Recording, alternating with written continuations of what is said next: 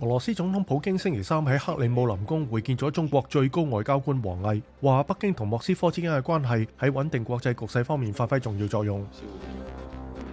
飓风弗雷迪嘅大雨同强风喺星期二席卷马达加斯加，造成四人死亡，一万六千六百六十人无家可归，近五千栋房屋受破坏。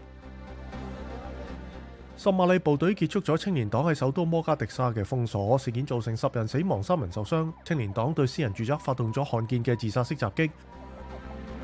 由於南歐同北非嘅天氣影響，導致水果同蔬菜供應短缺。英國商店實施咗限额購買。原本出現嘅番茄短缺已經擴大咗其他蔬果。